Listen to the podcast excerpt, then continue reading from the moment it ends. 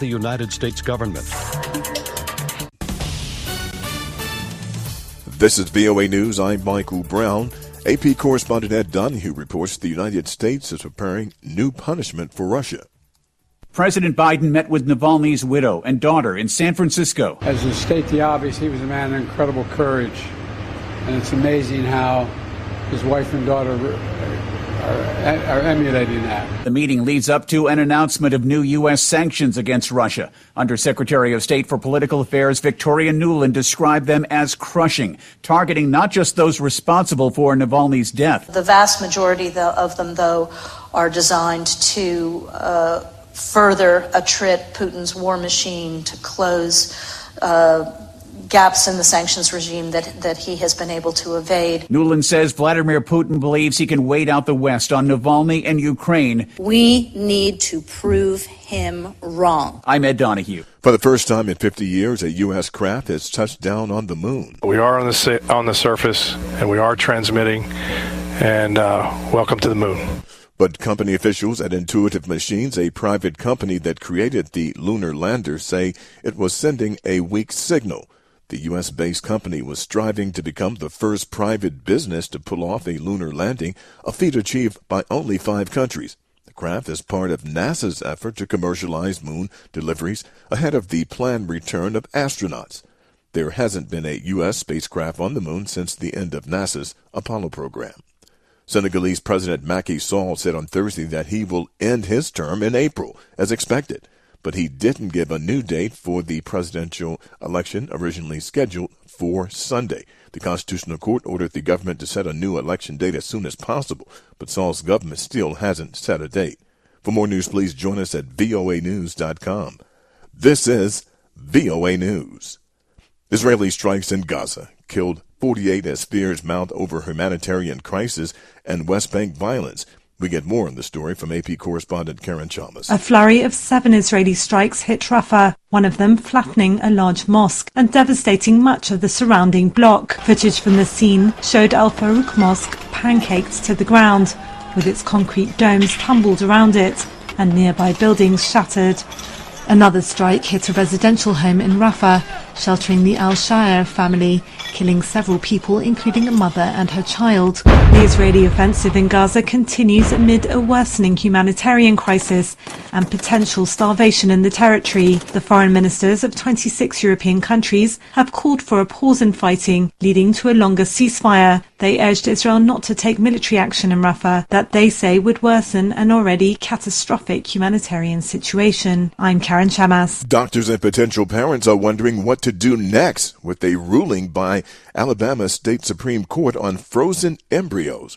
We get the details from the AP's Jackie Quinn. Several medical facilities, including the University of Alabama at Birmingham, are halting their in vitro fertilization programs, with the state Supreme Court saying that frozen embryos are legally considered the same as children, and providers can be held responsible for their deaths. Equating an embryo to a child is scientifically unfounded. In Atlanta, Dr. Jennifer Kawwass at Emory's Reproductive Center, limiting the capacity of physicians to care for patients with infertility. But at the Fertility Institute of North Alabama, Dr. Brett Davenport tells the AP they'll continue providing services as usual. We will um, adjust our informed consents and re redo those with all of these patients. Some legal experts think the Alabama ruling is just the tip of the iceberg. I'm Jackie Quinn.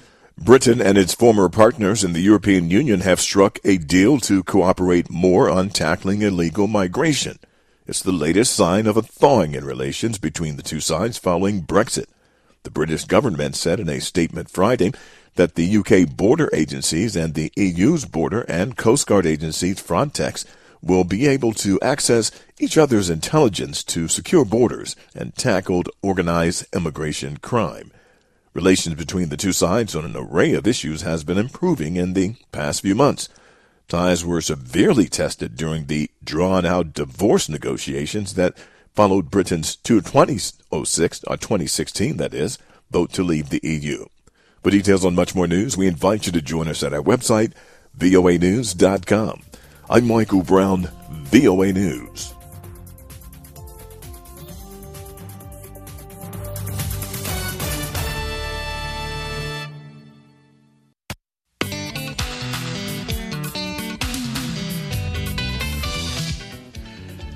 Morning, Africa. Welcome to Daybreak Africa from the Voice of America. I'm James Butty in Washington.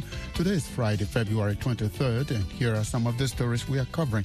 Senegal's president addresses the nation about the postponed elections. People are happy to hear the president about all these issues, but at the same time, the president is on the problem they are experiencing because we want to know the date of the election talks to extend Zimbabwe president's term in office generates a debate. Malawi's president refuses to pay a ransom to hackers who attack the country's immigration system. Government will never pay the ransom money you have demanded after hacking the system because we're not in the business of appeasing criminals and a rally tomorrow, Saturday, in Washington, D.C., to raise awareness about the violence in Eastern Democratic Republic of Congo. Those stories plus Samson Omale Sports and our Black History Month presentation are coming up on Daybreak Africa. Weeks after abruptly postponing the country's February 25th presidential election, Senegalese President Macky Sall spoke to the nation Thursday night. He assured the country that April 2nd, 2024 will be the end of his presidency as mandated by the constitution. But Senegalese political analyst Ibrahim Khan tells me that while Senegalese were trying to digest the president's speech, he failed to address the real concern of the nation, a new date for the postponed election. Said by Monday and Tuesday, a consultation will take place among all the stakeholders and they will propose a date. If the consultation is not able to propose a date, they will refer the matter to the Constitutional Council, and the Constitutional Council will decide about the date. So, why do you think the president came out to talk without a date for the election? Well, I think what the president is trying to do is really, he doesn't want to take decision because the decree that convened the people for the February 25, 2024 presidential election was taken by himself without any consultation. As we have been saying, the president's term expires on April 2nd. So who is going to rule the country comes April 2nd? Well, first he confirmed that by April 2, he will be leaving the power. He said if the Monday and Tuesday consultation set a date and that date allow uh, the election of the next president, he will be happy to hand over the power to that president elected. If not, by the 2nd of uh, April, the Constitutional Court will also determine who will be the next president of Senegal. But I just need to take uh, your audience that that issue is already resolved by the, our Constitution if the president is not there, the president resigns, or there is no longer a president in power, the Speaker of the Parliament replaces the president and will be there for only three months until the new president is elected. The president spoke at night uh, when kind of late there. How do you think Senegalese are going to react to this? The president didn't just talk about the date of the election and his departure. He talked about reconciliation among Senegalese, and for him, reconciliation means we forget and forgive all the wrong that were done in the past. And uh, for that, he promised that the parliament will adopt a law on amnesty, but we don't know yet which period is covered by the amnesty. He also said that uh, through the reconciliation process, Sonko and Diomaye Faye will be free. For the time being, people are still trying to digest. But from what I'm hearing, it's a mixed view about what the president said. People are happy to hear the president about all these issues because he was silent. But at the same time, what the president is proposing is not really a solution to the problem that we are experiencing because we want to know the date of the election. So the administration should sit with the candidate and discuss the date of the election, but he wants to organize a kind of jamboree, kind of uh, dialogue for two days. What can you sort out in two days? Why an outgoing president is really going to organize a kind of consultation for everybody. So I think for me, part of all this drama was just a kind of way of trying to get a law on amnesty that will help to protect some of the people who did wrong during his presidency. Ibrahim Akan is a Senegalese political analyst. He was speaking with us from the capital, Dakar. Malawi President Lazarus Chakwera says his administration will not pay a ransom to hackers who have prevented the Department of Immigration and Citizenship Services from uh, printing passports for the past three weeks. Chakwera said in Parliament Wednesday that the cyber attack has compromised the country's security and measures are in place to identify and apprehend the attackers who are demanding millions in ransom. Some analysts, however, doubt the president's statement. Lamek Masina reports from Blantyre.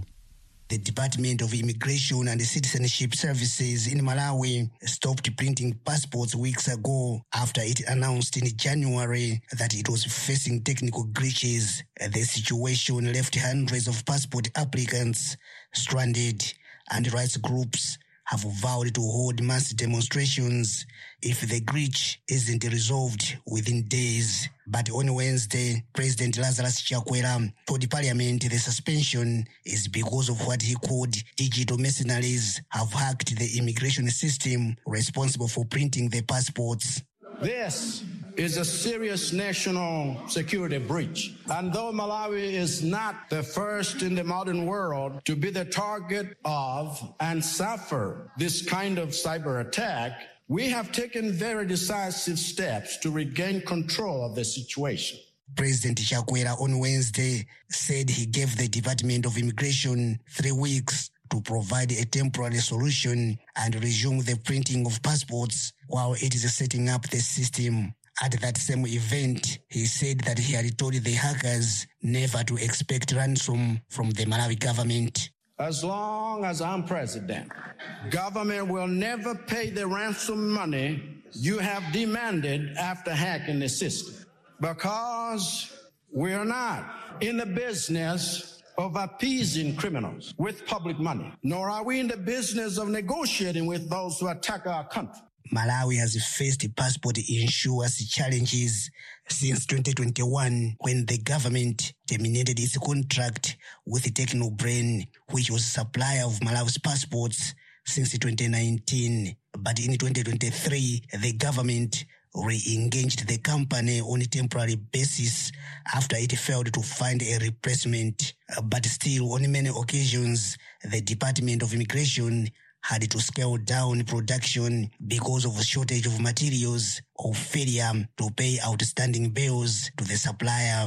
Sylvester Namiwa is the executive director of the Center for Democracy and Economic Development Initiatives, whose organization is vowing to hold protests if the situation isn't resolved within days. He told VOA that he doubts the veracity of President Chakwera's statement on the hacking of the system. The president is uh, creating the impression that he's talking to people that are so daft. He should have reviewed the identities of the hackers. And uh, in this modern day technology, he should have stated whether they are communicating using what mode. For example, if they are using computers, if they are using phones. Today's technology is easy to trace. Namiwa points to the reports circulating on social media and a local radio station suggesting that the contractor Technobrain deliberately shut down the system after noticing improper activity by suspected government agents. According to the local media reports, Technobrain is demanding millions of dollars in compensation from the Malawi government before it unblocks the system. When approached for comment, Tiwonge Chipeta, general manager for Technobrain in Malawi, would not deny or confirm the company's alleged involvement in the shutdown, saying she could not speak with the media on the matter. Lamek Masina, VOA News, Blantyre. Friends of the Congo, a Washington, D.C. based advocacy organization, is planning a rally tomorrow, Saturday, in Washington, D.C. to raise awareness about the violence in Eastern Democratic Republic of Congo and to call for an end to what the group called the war of aggression by Rwanda. Rwanda and the DRC have both accused each other of supporting rebels operating in Eastern Democratic Republic of Congo. Viewers Douglas Mpuga reached Nels Kanwani, board director and immigration coordinator for the Congolese community of the Washington metropolitan area to find out more about the planned demonstration. The purpose of this uh, demonstration is to ask the U.S. government to take actions on war of aggression that Rwanda is, is pursuing against the DRC. Uh, we have seen the U.S. condemn the aggression. Uh, but we want actions because without actions, those uh, the statements condemning Rwanda would be meaningless. Um, so that would be uh, the purpose of our demonstration, and also to bring this to the public to show uh, what uh, all the massacres, the suffering that the people of the Congo are going through, are suffering from due to this war of aggression. As the U.S. government has called uh, on Rwanda not to support, give support to the M23 rebels. But have you had direct contact with the government itself apart from this public demonstration? We have been uh, sending uh, letters to them. We have been calling on the U.S. government in various ways on social media, and, and we've been sending memorandums and asking uh, the U.S. government to take actions. Again, I mean, we need actions. Without actions, those statements would be meaningless. The government in DRC, in Kinshasa itself, how far has it gone in pursuing uh, that path of uh, trying to make sure that the eastern part of the country sees some peace? Yes, so we've uh, we've seen also some some movement uh, in the DRC, but again, more action is needed there as well, uh, and we're pushing uh, the Congolese government to also make sure that uh, people are protected and make sure that this group, this rebel group, is neutralized. So there are ac- actions that are needed on, on both sides, and we're pushing uh, the U.S. government to, to take action. And, what I mean by action is that the U.S. government has legal and diplomatic tools to sanction Rwanda. And this is the time uh, for the U.S. government to use those tools and take action and sanction Rwanda. And on the other side, with the Congolese government, they need to do the same in protecting their people. So we will have this demonstration. So it's Saturday, February 24th at 1 p.m. We will gather and start in front of the Rwandan embassy and we'll walk to the White House. Nels Kinwani is the board director and immigration coordinator for the Congolese community of the Washington metropolitan area. He spoke from Washington with my colleague Douglas Mpuga.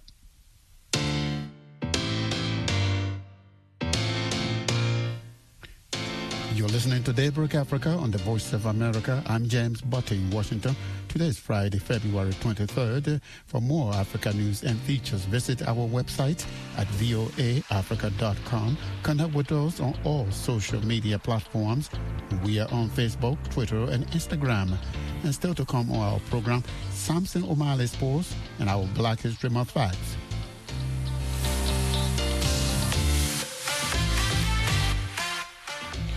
Public statements by some senior ruling ZANU PF party members endorsing a third term for Zimbabwe President Emmerson Mnangagwa have sparked serious debate, with some saying it will further undermine democracy in the southern African country. Reporter Kudzanai Musengi brings us more. At a recent event to mark Zimbabwe's National Youth Day outside Masvingo City, some ZANU PF officials publicly endorsed what had been just whispered speculation the idea of having President Emmerson Mnangagwa stay on beyond the two terms allowed under the Constitution. ZANU PF Chief Whip Pupurai Togarepi told VOA that there are no instructions from the party on having its members in parliament move to prolong Mnangagwa's tenure. He said people were just speculating based on slogans. Why don't we just wait for pronouncement by the party? For me, I think people are free to conclude the way they want, interpret those slogans the way they want. I don't think uh, that is enough instruction for us as members of parliament to then make a decision. Nicole Beardsworth is a South African university lecturer and researcher on Eastern and Southern African elections and multi-party democracy. She told VOA that despite not publicly declaring his stance, Mnangagwa could want to extend his presidency. This move likely originated from the upper echelons of the party and was instigated with the knowledge of the president. Of course, within ZANU PF, it would need to come up through the provincial structures and appear like it is um, sort of a popular move. Two thirds of both the House of Assembly and the Senate must approve a constitutional amendment to change presidential term limits. Without that two thirds majority, a referendum is to be held. David Coltart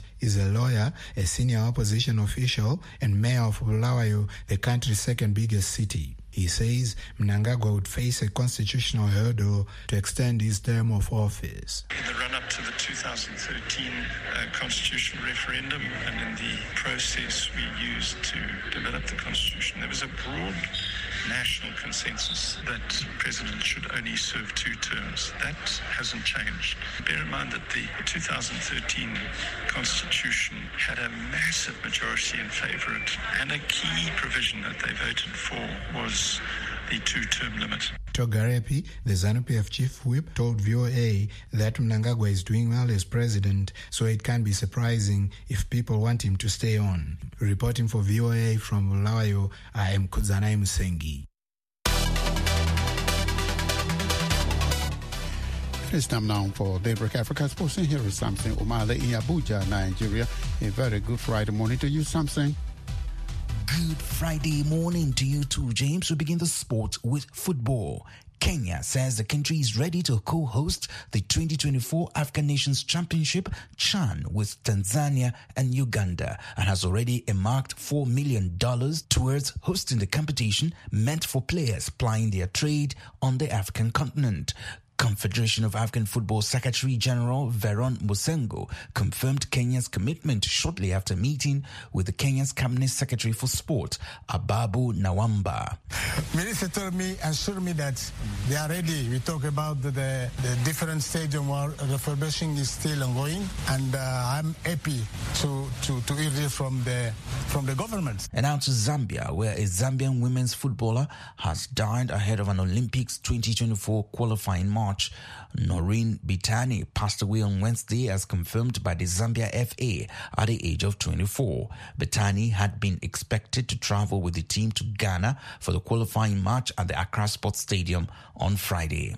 And staying in Zambia, gender activist Beauty Hatebi, who owns a semi-professional youth soccer team, believes that football can keep young boys and girls off drugs and other social vices. In this interview with my colleague James Butty, Hatebi explains why she has continued to work with young people in communities in Chongwe district of Lusaka province, where she is sponsoring football teams for girls and boys.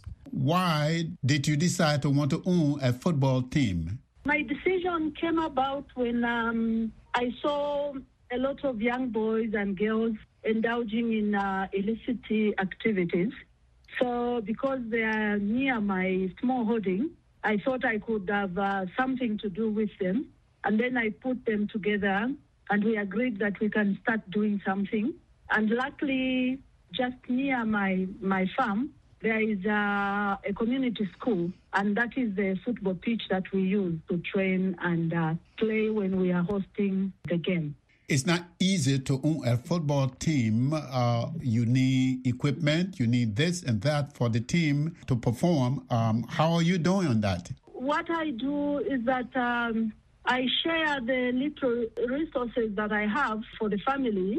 I share with the boys and girls on the pitch. For example, I personally buy balls and jerseys, but um, at some point I had um, a very big donation from um, some businessman from within Lusaka who gave me about four pairs of uh, jerseys and uh, about 15 balls at a go. Finally, in badminton news, over 500 players from 49 countries are participating in the 2024 Uganda International Badminton Challenge, which got underway on Wednesday. The five day championship is being hosted at the Lugogo Indoor Arena in Kampala. And that's it for this Friday's edition of Daybreak Africa Sports. I am Samson Omale in Abuja, Nigeria. It is back to you, James, in Washington. Thank you, Samson. Have a very good weekend.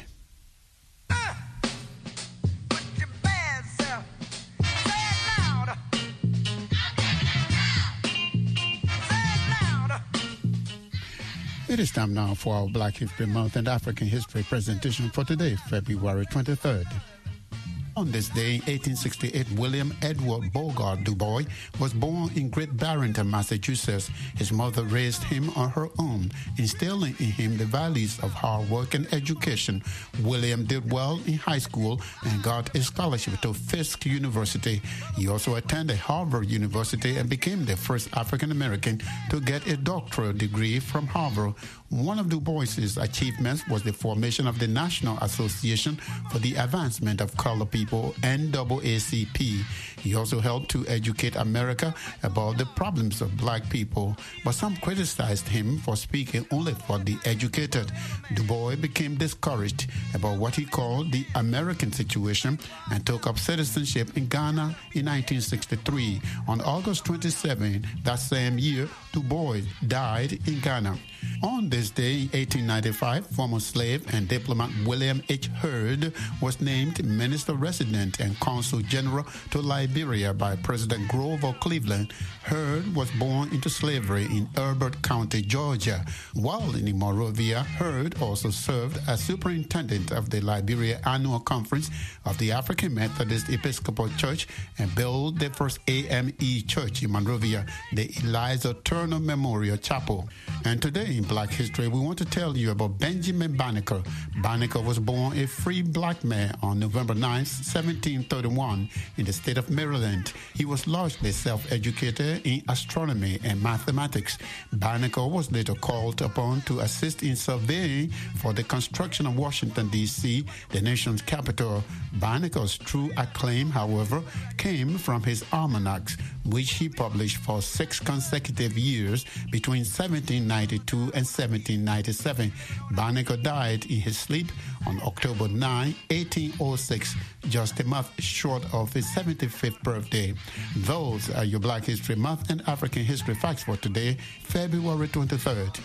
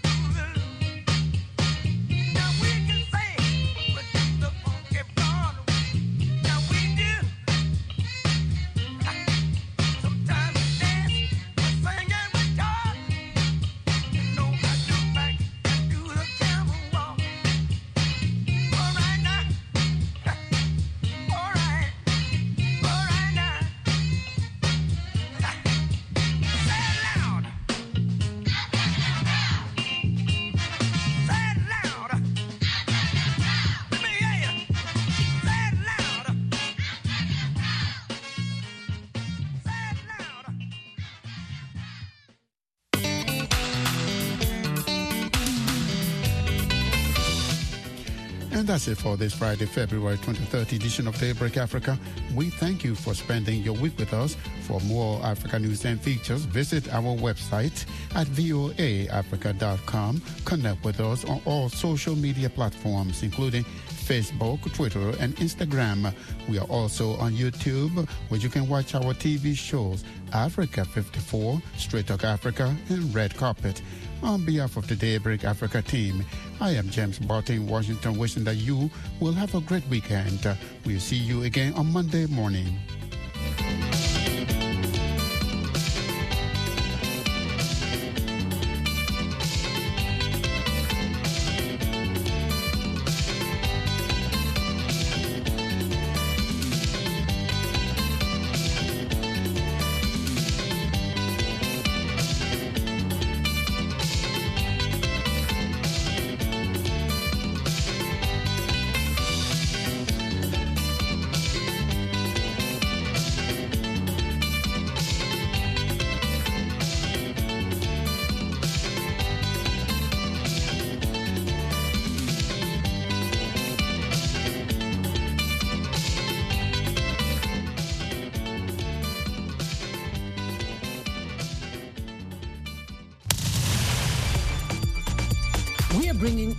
Voices to the conversation on things that matter to the hearts and minds of women.